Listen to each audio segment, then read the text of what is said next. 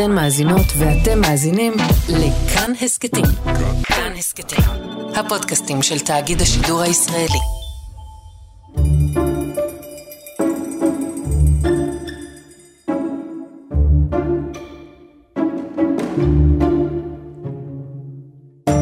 שלום לכולם, קוראים לי גליה עוז ואני סופרת ילדים, מחברת סדרת שקשוקה ואני מייקי, שעליהם מבוססת סדרת הטלוויזיה שקשוקה, שחוזרת עכשיו לעונה שנייה בכאן חינוכית. אנחנו כאן בהסכת חדש, שילווה את סדרת הספרים ואת המעבר שלהם לסדרת הטלוויזיה. באולפן יושבים איתי ארבעה ילדים, וביחד איתם ננסה לברר מה הופך גיבור ספרותי לדמות כמעט אמיתית, ומה צריך לקרות כדי שיהיה אכפת לנו מגיבורי הספרים שאנחנו קוראים. אני רוצה להציג את שותפיי להסכת, אור אילן, שלום אור. שלום. דניאל חכמון. שלום. אה, בארי מרסיאנו. שלום. ונוגה סגל. נעים מאוד. ספרי שקשוקה מבוססים במידה רבה על הדמויות והאופי המיוחד של כל דמות הוא זה שמניע את העלילה. דותן תוקפני ותחרותי, אבל יש בו גם צד חברותי. יולי חברותית, אבל יש לה גם צרות, אנחנו יודעים, לא תמיד קל לה מבחינה חברתית. אפי מעופפת, כן, ספורטאית חזקה, אבל לפעמים היא מרגישה לא בעניינים. אביב ממציא סיפורים, וגם הוא מרגיש לפעמים קצת בצד, וגם בגלל הגמגום שלו, אופק מלגלג עליו. אני קוראת מתוך שקשוקה נעלמת, זה הספר הראשון בסדרת שקשוקה, אה, ואני מתחילה אה, מהאקשן, מהרגע הכי אה, חזק, שבו היריבות בין דותן ויולי מגיעה לקצה קשה. דותן הזה, פשוט חייבים לפחוד ממנו. הוא זוכר כל מה שעושים לו והוא מתנקם. יום לפני שהכלבה נעלמה, אילנה שאלה אותנו בכיתה מה זה כדרות, ודותן קפץ ואמר שכדרות באה מהמילה כד. אבל אילנה אמרה שזה לא יכול להיות, כי כדרות זה בקוף, וכד כותבים בכף. ואז הצבעתי ואמרתי שכדרות באה מקדרה. דותן, שיושב מאחוריי, התכופף פתאום קדימה ונתן לי כאפה חזקה בראש. זה לא היה נורא, אבל אילנה ראתה את זה ודותן קיבל פתק. גם זה לא היה מוכרח להיות נורא, אבל ביציאה מבית הספר באותו יום הוא תפס אותי בחצר ונתן לי בעיטה בצד של הרגל, ומרוב כאב עפתי והתנגשתי בנדנדה וחטפתי מכה גם ברגל השנייה. דותן אמר, אם לא היית אומרת איי מקודם בכיתה, לא היו נותנים לי פתק, עכשיו בגללך אני מושעה. זה פתק שלישי שלי. אז קראנו קטע שיש בו, קודם כל זה קטע שיש בו אלימות, אתם מסכימים כן, איתי? חד משמעית. כן. האלימות לא באה סתם, נכון? למה? מה גרם אל האלימות, לפי דעתכם? לפי דעתי, התותן זה כי הוא תמיד רוצה להיות הכי שווה, הכי חכם וזה, וכשיולי ענתה את התשובה הנכונה, הוא ממש התעצבן מזה, כי הוא תמיד רוצה להיות חכם, הכי טוב, הכי זה, אז בגלל זה הוא הרביץ. אה, לדעתי הוא לא, הוא לא רוצה להיות הכי טוב, גם עם זה שיש לו הרבה חברים, לא, לא נעים לו כל כך. מעניין מה שאת אומרת. זאת אומרת, זה לא כי הוא תחרותי, אלא כי הוא לא מסתדר בעולם. הוא לא מסתדר. ולכן האלימות. דניאל, מה... אני מסכים עם בארי, אני חושב שהוא רוצה להיות הכי חכם, הכי חזק, הכי טוב אה, בהכל. אה, אני חושב שזה נובע מקינה, מה שהוא עשה ליולי, אני חושב שזה נובע מקינה, בגלל שהיא ענתה תשובה נכונה והוא טעה, אז אני חושב שזה נובע מקינה. מעניין. אור, את מה אתה רוצה להוסיף? אני חושב שזה בגלל שכאילו, אני למשל, אה, טעות באוריינות, בסדר? לא, לא משהו. ואז אני אומר כזה משפט כזה, ואז זה לא נכון. ואז אני מתבלבל בין ה... אולי, אולי אמרתי את זה עם שגיאות כתיב, אולי אמרתי את זה לא נכון, ואז מישהו אחר אומר את התשובה הנכונה.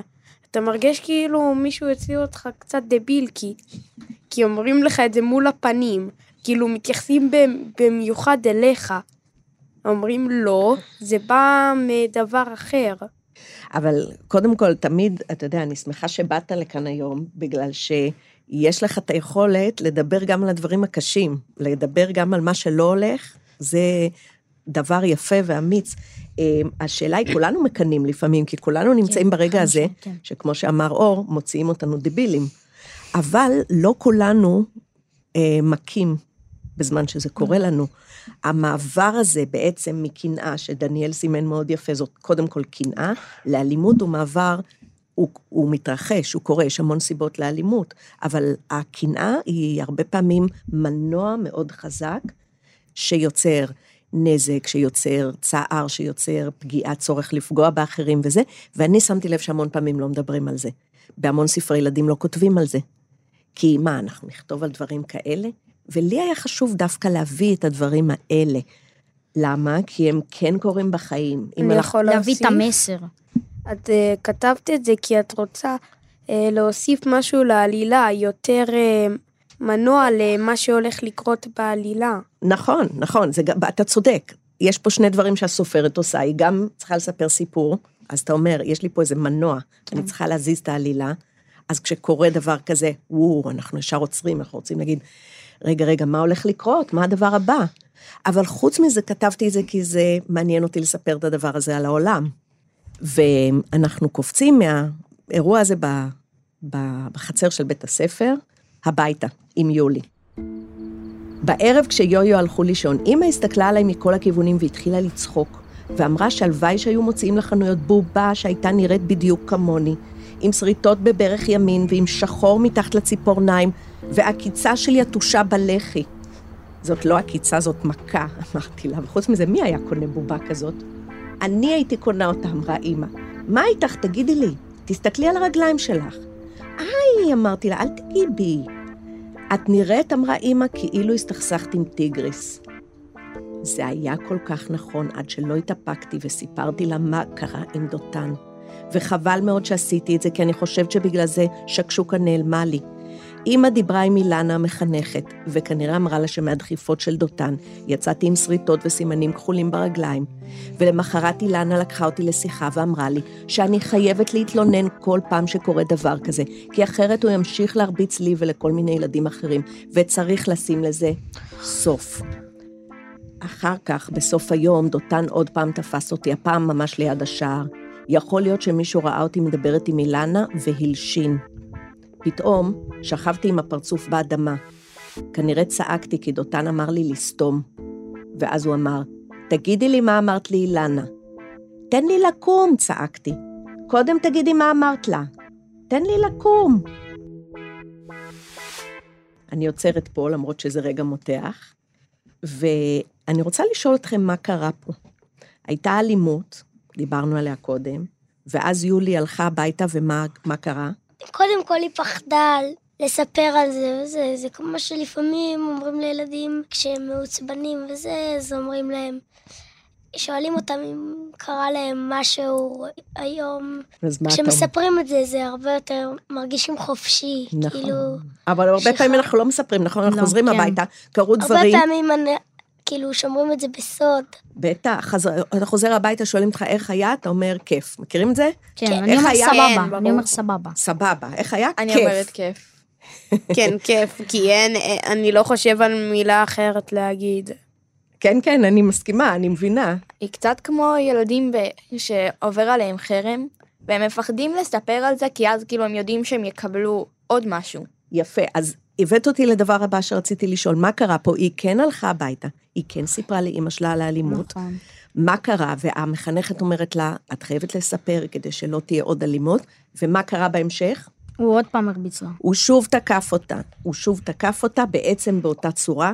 זאת אומרת, יש פה איזו תחושה שיולי אולי יכולה לגמרי לאבד אמון בהכל, במערכת, בעולם, בבית, אה, בתמיכה. בחברים. בחב... בחברים בטח. אה, התלונה שלה רק גרמה לדותן להיות יותר אלים. מצד אחד יש קשר מאוד קרוב בין יולי לאימא, נכון? הן כן יכולות לדבר, הן כן יכולות לצחוק על זה, ואימא אומרת, ימציאו בובה שנראית בדיוק כמוך, ואני אקנה אותה. יש ביניהם קרבה, ומצד שני, כל הצרות בעולם והאלימות בבית הספר, זה דבר שאימא של יולי יכולה להגן עליה, על לא, יולי? לא. לא. לא. כי היא לא הייתה בבית ספר, אין לה איך... אה, היא יכולה להעביר אה, למורה כמה דברים, ולנסות אה, להאשים את אותן עוד יותר למנהלת, ואפילו לנסות להעיף אותו מבית הספר. אבל בסוף זה לא האימא שעושה את הדברים האלה, אלה המורות. כן, זה ולא- כאילו לא- כן, אבל מה אם היא יכלה לעשות את זה? כן, דניאל. אני לא מסכים איתו, כי האמא מקסימום יכולה לדבר עם המנהלת, וגם המנהלת תיתן לו השעיה, ואחרי זה הוא יכול להמשיך עם זה, כאילו, זה לא יכול להיפסק. זה חייב אה, לבוא מאישיות חש... שחשובה לו, נגיד מאמא או, או מאבא שלו. וגם אז, כאילו, רוב הסיכויים שזה ייפסק, אבל יכול להיות שזה ימשיך. כן.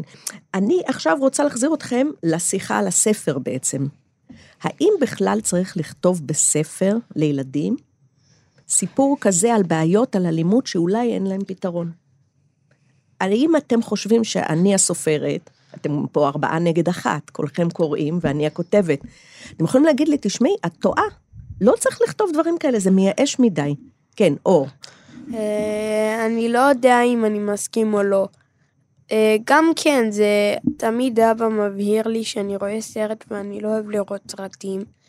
אבא תמיד אומר, זה לא אמיתי, וזה גם לא יקרה לך בכלל. אין מצב שמשהו כזה יקרה. וגם אם זה יקרה, יהיה לזה סוף. אבל כן, אה, יש ילדים שרגישים לזה, אני לא מדבר על, על ילדים ספציפיים, אבל אה, כן, אה, יש ילדים שלא כדאי לתת להם לקרוא ספרים על בעיות שאין להם פתרון? כן, כן. כן. ודניאל, מה דעתך? אני חושב שכן צריך לכתוב, כי זה בסופו של דבר, את מעבירה סוג של מסר. שזה ח... כאילו, את צריכה, שצריך תמיד להגיד להורים ולדבר על זה, ושההורים אפילו מדברים עם ההורים של, ה... של אותו ילד, שצריך כאילו תמיד לשתף. לא, זה לא טוב כל כך לשמור בבטן. וכן, אני חושב שצריך לספר על מקרים כאלה אלימים, כי ככה יודעים איך לעצור את זה בזמן. ולא לחכות עם זה לרגע האחרון. אני רוצה להגיד על זה עוד דבר, ותכף אני, אני אחזור אלייך נוגה, אני רוצה להגיד על זה עוד דבר. נגיד שלא הייתי כותבת את הספר, ונגיד שבכלל סופרים לילדים לא היו כותבים לילדים ספרים על בעיות שאין להם פתרון.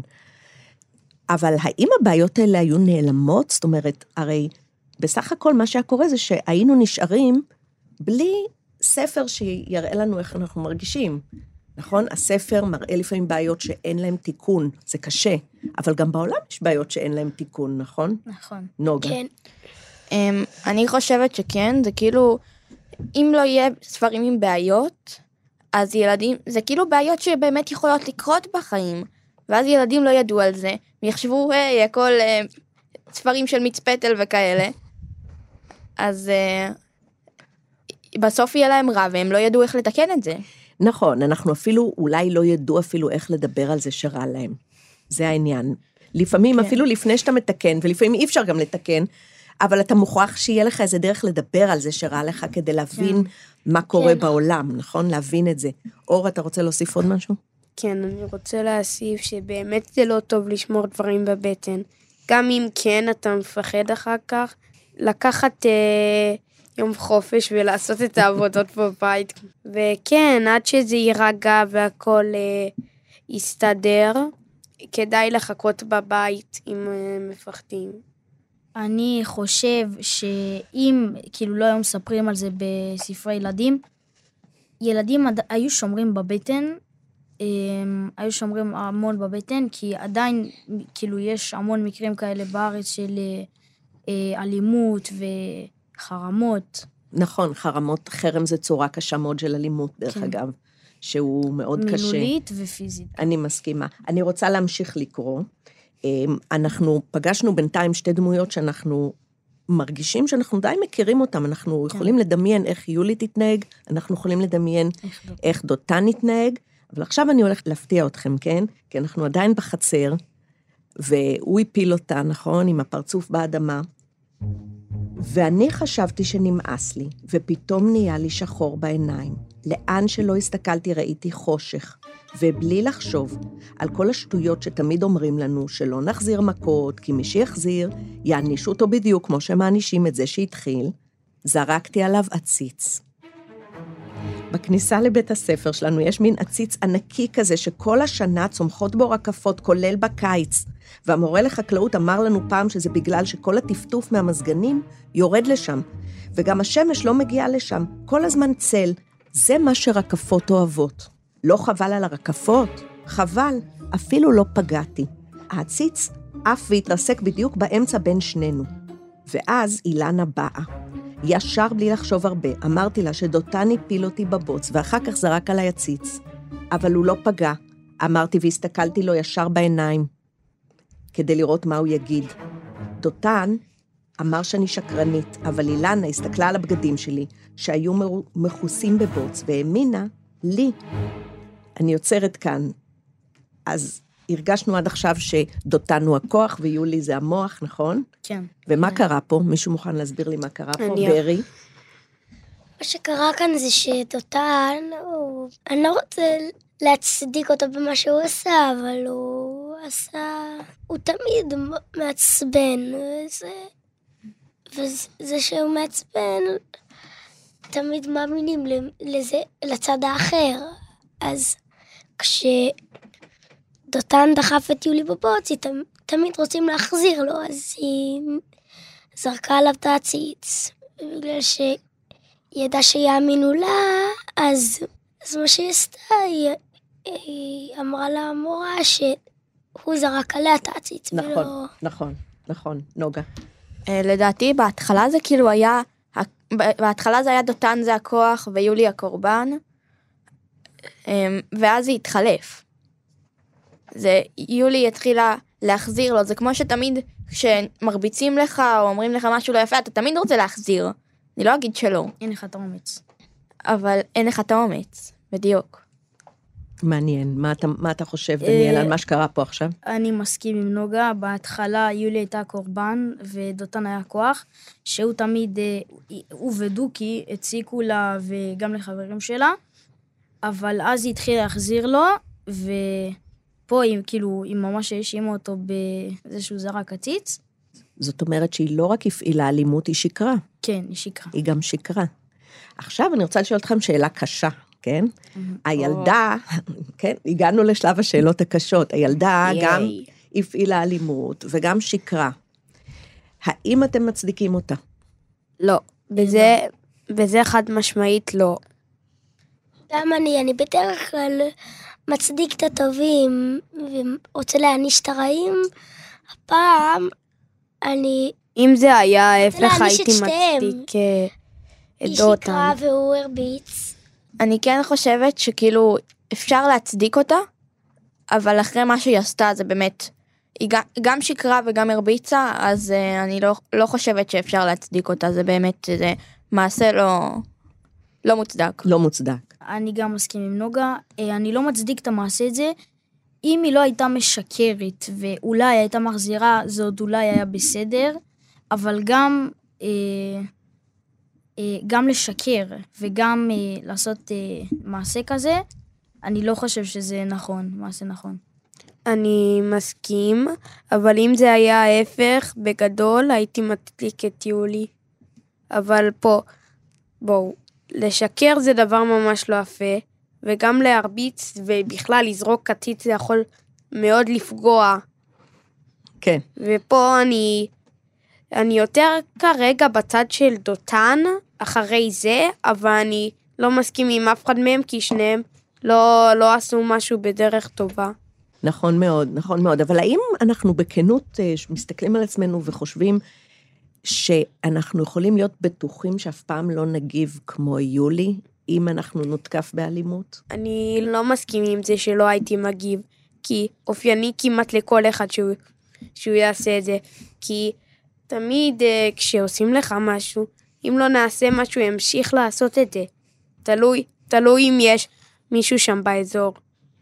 אה, אני גם הייתי מגיב ככה, ואפילו אה, יולי בספר, היא גם, אה, כאילו, קרא לו בכל מיני שמות, הייתי גם קורא לו, אה, הייתי קורא למי שהיה מציק לי יותר מדי ומרביץ לי כל הזמן, הייתי קורא לו בשמות, וכן הייתי מחזיר, הייתי מחזיר. זאת אומרת אה. שלפעמים, שלפעמים אנחנו לא מצדיקים מישהו שמגיב ככה, אבל אנחנו מבינים אותו, כן. נכון? אני חייבת להגיד שאני חד משמעית, לא הייתי זורקת עליו עציץ, אבל הייתי מחזירה לו. כן. כמו המורה החדשה שלי בכיתה, היא תמיד אומרת, אם אתה לא מחזיר, אתה יוצא גדול מהחיים, ואם לא, זה לא טוב. טוב, אז זה דבר מאוד יפה, וזו אמירה מאוד יפה. אנחנו כולנו רוצים לצאת גדולים מהחיים ולא תמיד מצליחים. כאילו, אה, לפעמים הכעס יותר חזק ממך.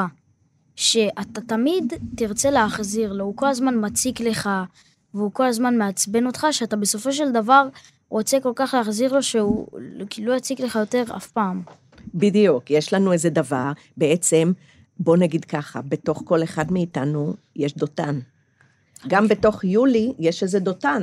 מה שקרה כן. לה, זה שיצא ממנה הדותן שבתוכה. יש את, ה, את המשפט הזה, איזהו גיבור הכובש את יצרו, שלפעמים קשה לעשות את זה, אבל uh, מי שמצליח לכבוש את הדותן הזה בתוכו, זה... הוא מאוד גדול. בגן היו אומרים שלא פותחים את הדלת למעשים כאילו הלא טובים שלפעמים עושים. יפה, סוגרים את הדלת, זה מה שהיו אומרים לי בגן. יפה, יפה, בסדר, זה ההבדל בין, אה, אה, בין הבן אדם לבין פרא, כן? כי כמה שאנחנו יותר קרובים לצד הפראי שלנו, ככה אנחנו יותר מרשים לכעס לדבר בשמנו, כן? אני רוצה לקרוא עוד קטע שבו אה, דותן וחברו דוקי אה, מציקים הפעם לאפי, לבת הדודה של יולי. אבל אז, מה שהם עושים זה שהם, אה, דותן דוחף את יולי, בסדר? ואז אפי, שהיא בת הדודה של יולי, מתעצבנת, רוצה להגן על בת הדודה שלה. אבל אז אפי זזה נורא מהר, כאילו יש לה לפחות ארבע ידיים, והופ, דותן מצא את עצמו יושב על הרצפה. היא החליטה לשמור עליי, וסוף סוף יצא לה משהו מזה שהיא לומדת אומנויות לחימה וייטנמיות. כשאילנה נכנסה לכיתה, היא תמיד יודעת להגיע דווקא ברגעים האלה, אופק אמר לה שאפי פשוט ניסתה להראות לנו איך עושים גלגלון. זה בגללי, אמר אופק, אני ביקשתי ממנה להראות איך עושים גלגלון, היא פשוט לא ראתה שדותן עומד שם, במקרה הוא נפל. לא נורא, המשיך אופק, הרבה פעמים דותן הפיל את אפי במקרה. אז עכשיו היא הפילה אותו במקרה. כולם חייכו, ואני חשבתי לי שלפעמים יוצא משהו טוב מהפה הגדול של אופק. אבל אילנה הודיעה שאלימות לא תעבור אצלה בשתיקה, גם אם כל הכיתה תעמוד לצד הילד המכה, וניגשה אל דותן, ועזרה לו לקום, ושאלה אותו אם אפי הכתה אותו. נראה לך, שאל דותן וניסה לזרוק מבט מזלזל באפי.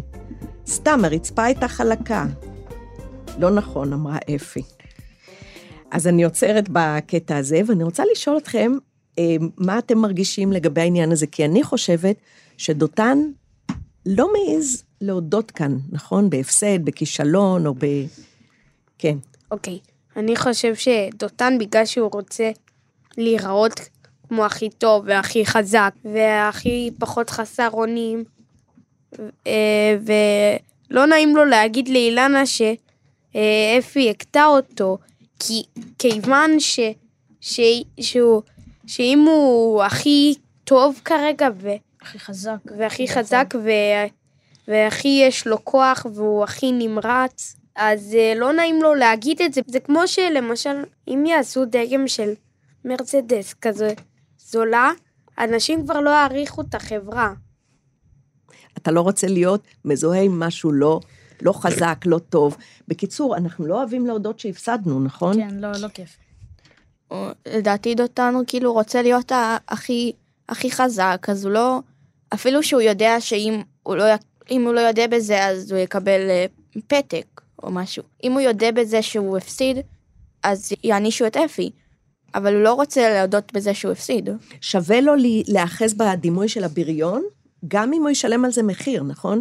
הוא אה, לא רוצה להיות הקורבן. כן, אתה מעדיף להיות, לפעמים אני מרגישה שהבנים האלה, הבנים האלימים, לפעמים אני הולכת לבקר בבתי ספר עם שקשוקה, לדבר עם תלמידים, ואני גם רואה את הילדים האלה בהפסקות. לפעמים נראה לי שהילדים האלימים, הבנים האלימים האלה, כאילו גרים להם בתוך איזה כלוב שקוף כזה של האלימות שלהם.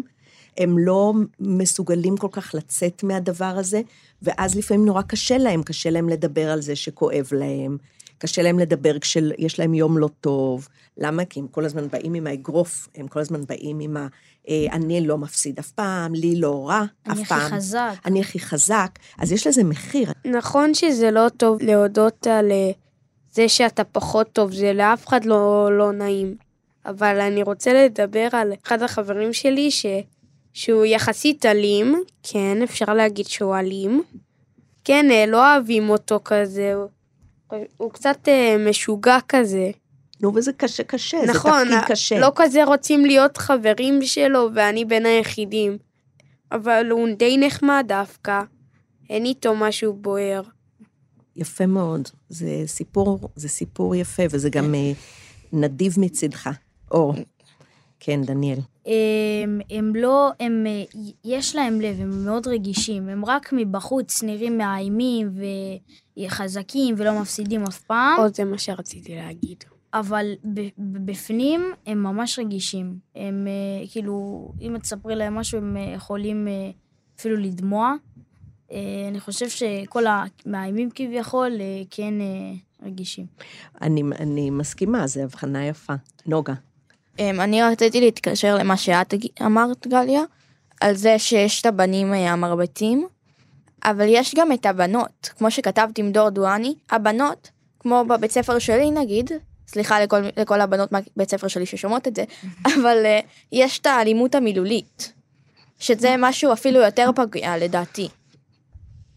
זה מעניין מה שאת אומרת. למשל ריחול, זה לא נעים שמרכלים עליך. יש, רכילות, חרם, יש אפילו אה, משפט, אני לא זוכר אותו, שאומר שמילים יותר חזקות מאלימות פיזית, משהו כזה שמילים זוכרים לכל החיים, אבל את המכות לא. כן. המכות זה בא והולך, אבל מילים תמיד נשארות. כן. המילים פוצעות, אני מסכימה איתכם, ואני דרך אגב לומדת פה די הרבה.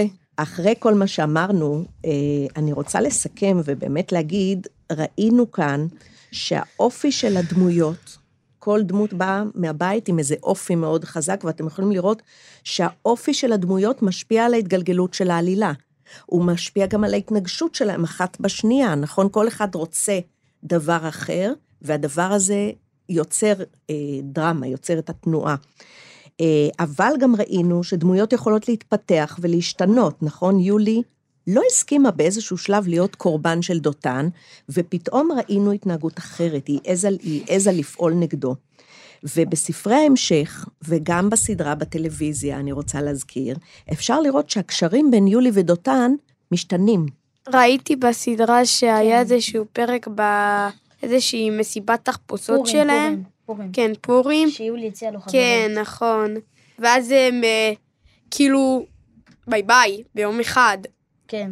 כן, זהו, כן, זה. סדרה, זה פרק מעניין מאוד של הצעת החברות, זה דברים שלא כתובים בכלל בספרים שלי, כן. אבל הם פיתחו עוד ועוד את העלילה. אני באמת רוצה לסכם שראינו פה את העניין הזה שהדמויות מזיזות קדימה את העלילה, והאופי שלהם גורם להם להתנגש או להתקרב או להתרחק.